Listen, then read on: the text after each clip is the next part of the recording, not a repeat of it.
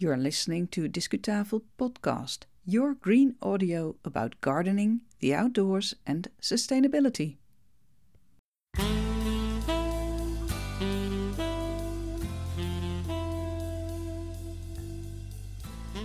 Hi there. Good to see you. With your headset on, or working in the garden with your podcast on.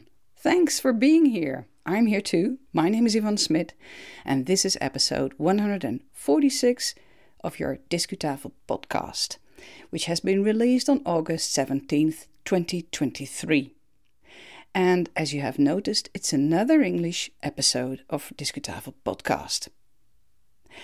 Last July, I went to the RHS Flower Show Tatton Park in Greater Manchester. I made some recordings in Dutch and in English about various subjects, all green related, of course.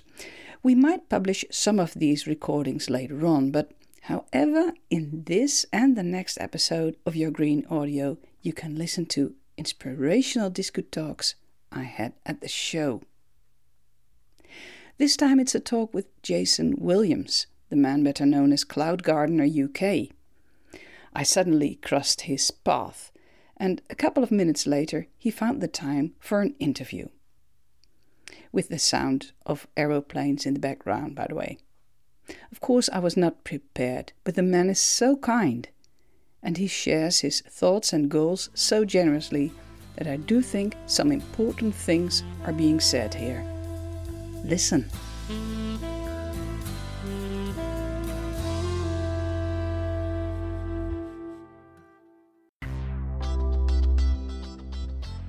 Discu Talk.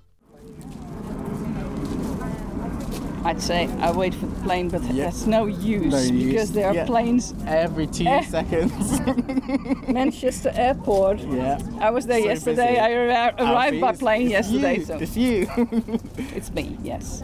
So, Mr. Jason Williams, quite an honor to meet you. We're in your own alley here at the show. Hello. Hello. Nice to meet you again. yes. yes we, we had a small chat uh, early on the, the on the day. So, could you please share with our listeners some of your ideas about this alley garden? Sure. So, um, in the UK, especially the northwest, it's a very industrial region, and so they create these terraced uh, houses, and the residents don't have a front garden.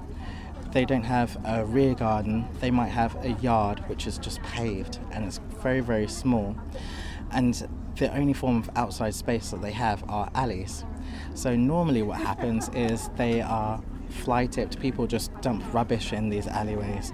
And so what this garden is is it shows people that you can create a really beautiful space using some items that have been thrown away, like bathtubs, like trampolines, uh, washing up, uh, sorry, washing machine drums, and you can make really amazing planters just using things for free. Um, and it's very, very different. There are different sections. So the section that we are currently standing in has got lots of herbs in it and salads and leaves. But this is for a lady who lives on the street who has a tortoise. And she had her tortoise out on the street, but the council come and spray weed killer, and that could have poisoned her turtle, uh, her tortoise. So I decided to create her a space where she can feed her tortoise. And all of the food that you see in this little section here is tortoise friendly, so she can feed her tortoise. Marvelous idea. Marvelous idea.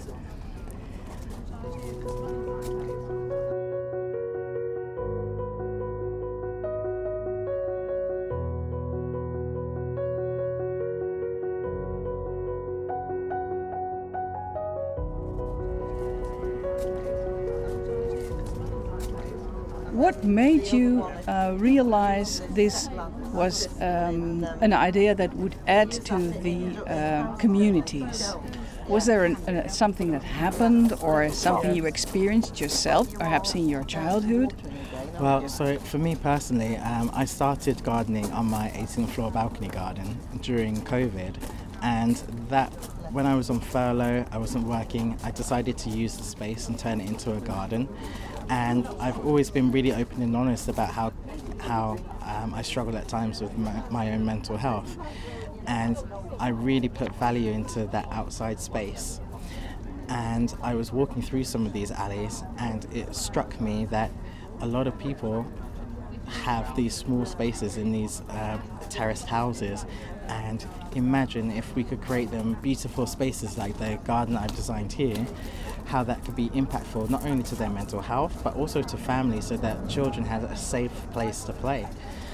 And with this garden, it's going to be relocated to Moss Side in Manchester, which is a very uh, poor and underprivileged area. And this garden is 40 meters long, it's three and a half meters wide. There's a lot of stuff here. And so for me to relocate that garden and give it to the, the community, it felt it felt irresponsible to just hand it to them. So I've also committed to mentoring them for the next 12 months just to ensure the garden's continued success. That would have been my next question, because it's not only a change of the uh, of the environment, but also in the heads and the hands of the people involved. Exactly, exactly that. And um, the garden itself is. Uh, it's not cohesive in any way, shape, or form. There are different sections, and that is because gardening means something different to everybody. So some people who live on this particular street, they love wildflowers. Some people want upcycling. Some people want to grow their own veg. And so in order for me to get the investment from the community, I felt that I needed to make sure that I give them what they needed and what they wanted. And hopefully that should help make the whole project uh, even better uh, because they all feel invested in this project. What would be your tip for us in the Netherlands when starting with an initiative like this? So I think uh, the important thing, or the most important thing, is um, to find a group of people who want to maintain this. Because starting these gardens are, is really, really easy, but the trick is maintaining it. So if you look at a space like this, for example, it's 40 meters long. If you are at the front of the, the alley, why would you water someone's garden who is 40 meters away? Who's going to pay for that? Who, do you have a hose long enough? So you have to have like minded people who are willing to you know, look after the garden. Yeah, and perhaps to be an example for the others. Exactly. Exactly yeah,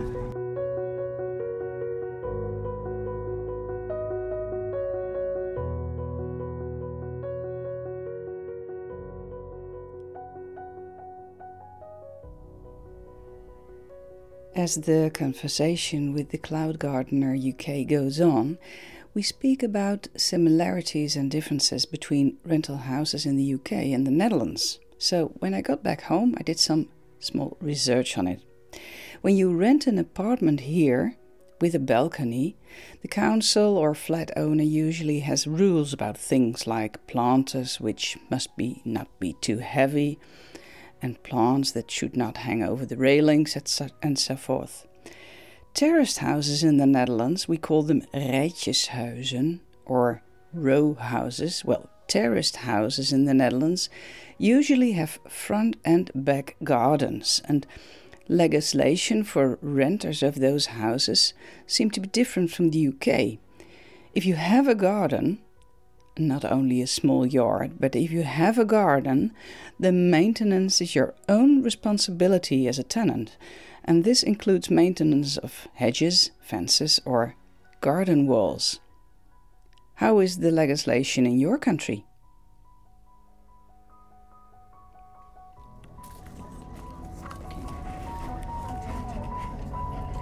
I think um, the the housing is a little bit different yeah. from from here, but I do recognize that there are more and more people who have boundaries like these mm. around their gardens. Yeah. While they used to have hedges okay, yeah. or low fences, yeah. but they seem to shut out the world now, mm. which makes allies like these um, a little bit inhospitable. Yeah. Yeah. Um, with, with, with graffiti everywhere and rubbish. Yeah. And um, when you achieve that people reclaim the space yeah. as a uh, community space, um, chances are that it, it, um, it goes better. And um, I. I think those ideas here can be used in the Netherlands as well, although the, the, the buildings are perhaps a little bit different. Yeah. Yeah, um, that makes sense. Am I right in assuming that it's now your, your own profession to design gardens? Yes, it's, it's now become my, my own profession, and um, I get to create spaces for, for people who predominantly are renting and have small spaces, and that's where I focus. Um, I haven't got any formal training, um, I've just learned things as I've gone along. And so, what often happens is when you are renting a house, um, in the UK, for example, if you are renting an apartment, you're not allowed to make any physical changes to that apartment. You can't put shelves in, you can't do anything like that. Even onto the balcony, you have to ask for the landlord's permission. So it's my job to come in and be inventive and find solutions to, to create these people spaces um, that would adhere to our rules um, and give people the height, the vertical growing abilities, um, and really maximizing on their space. Do you think it's possible that in the UK the legislations about those for, for renters might change and might be more, more, or less flexible? Absolutely not. I, and I think um, there's an increase in uh, build to buy, oh sorry, build to rent uh, properties in the UK. And so what that means is um, certain companies will purchase or create these massive tower blocks and each one of the tower blocks will have balconies, but they also might have a cinema, they might have a gym, they might have um, a residence lounge all together. And the whole point of that building is to rent. It's not, they don't want anyone to buy anything. And in Manchester, this is the most prevalent type of house building that we have. So I don't believe that that's going to kind of change in any way, in any time soon.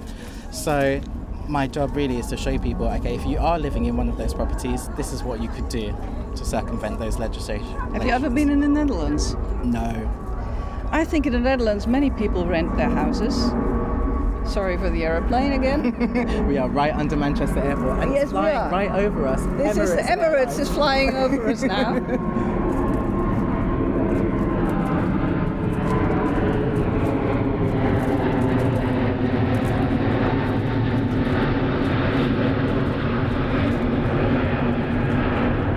think in the Netherlands many people rent houses as well, but I don't think the legislation, the rules are that strict. Really? So in the UK, if you if you were renting um, an apartment and you wanted to paint the walls, you absolutely cannot do that. You cannot paint the walls. You cannot put a shelf into the walls with, without asking for permission from your landlord. I do think they're not allowed to make big changes in the in the in the in the houses, but um, I think on the inside of the house they are allowed to, to paint, to paint. Wow. and I have never heard of people not being allowed to garden. Yeah.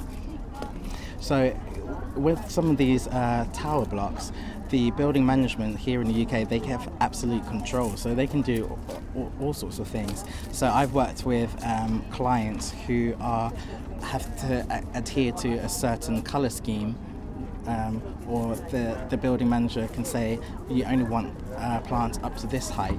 You're not allowed to have plants hanging over the railings. So part of my job is to establish uh, what the needs of the building management is before I can even think about trying to design something for them. Let's hope that your work helps the people who have the power to make changes.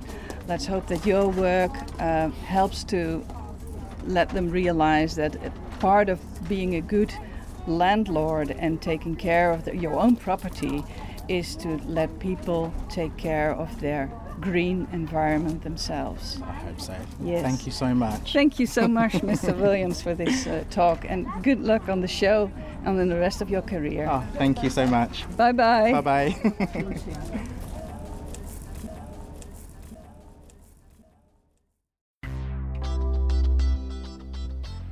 Discu Finish.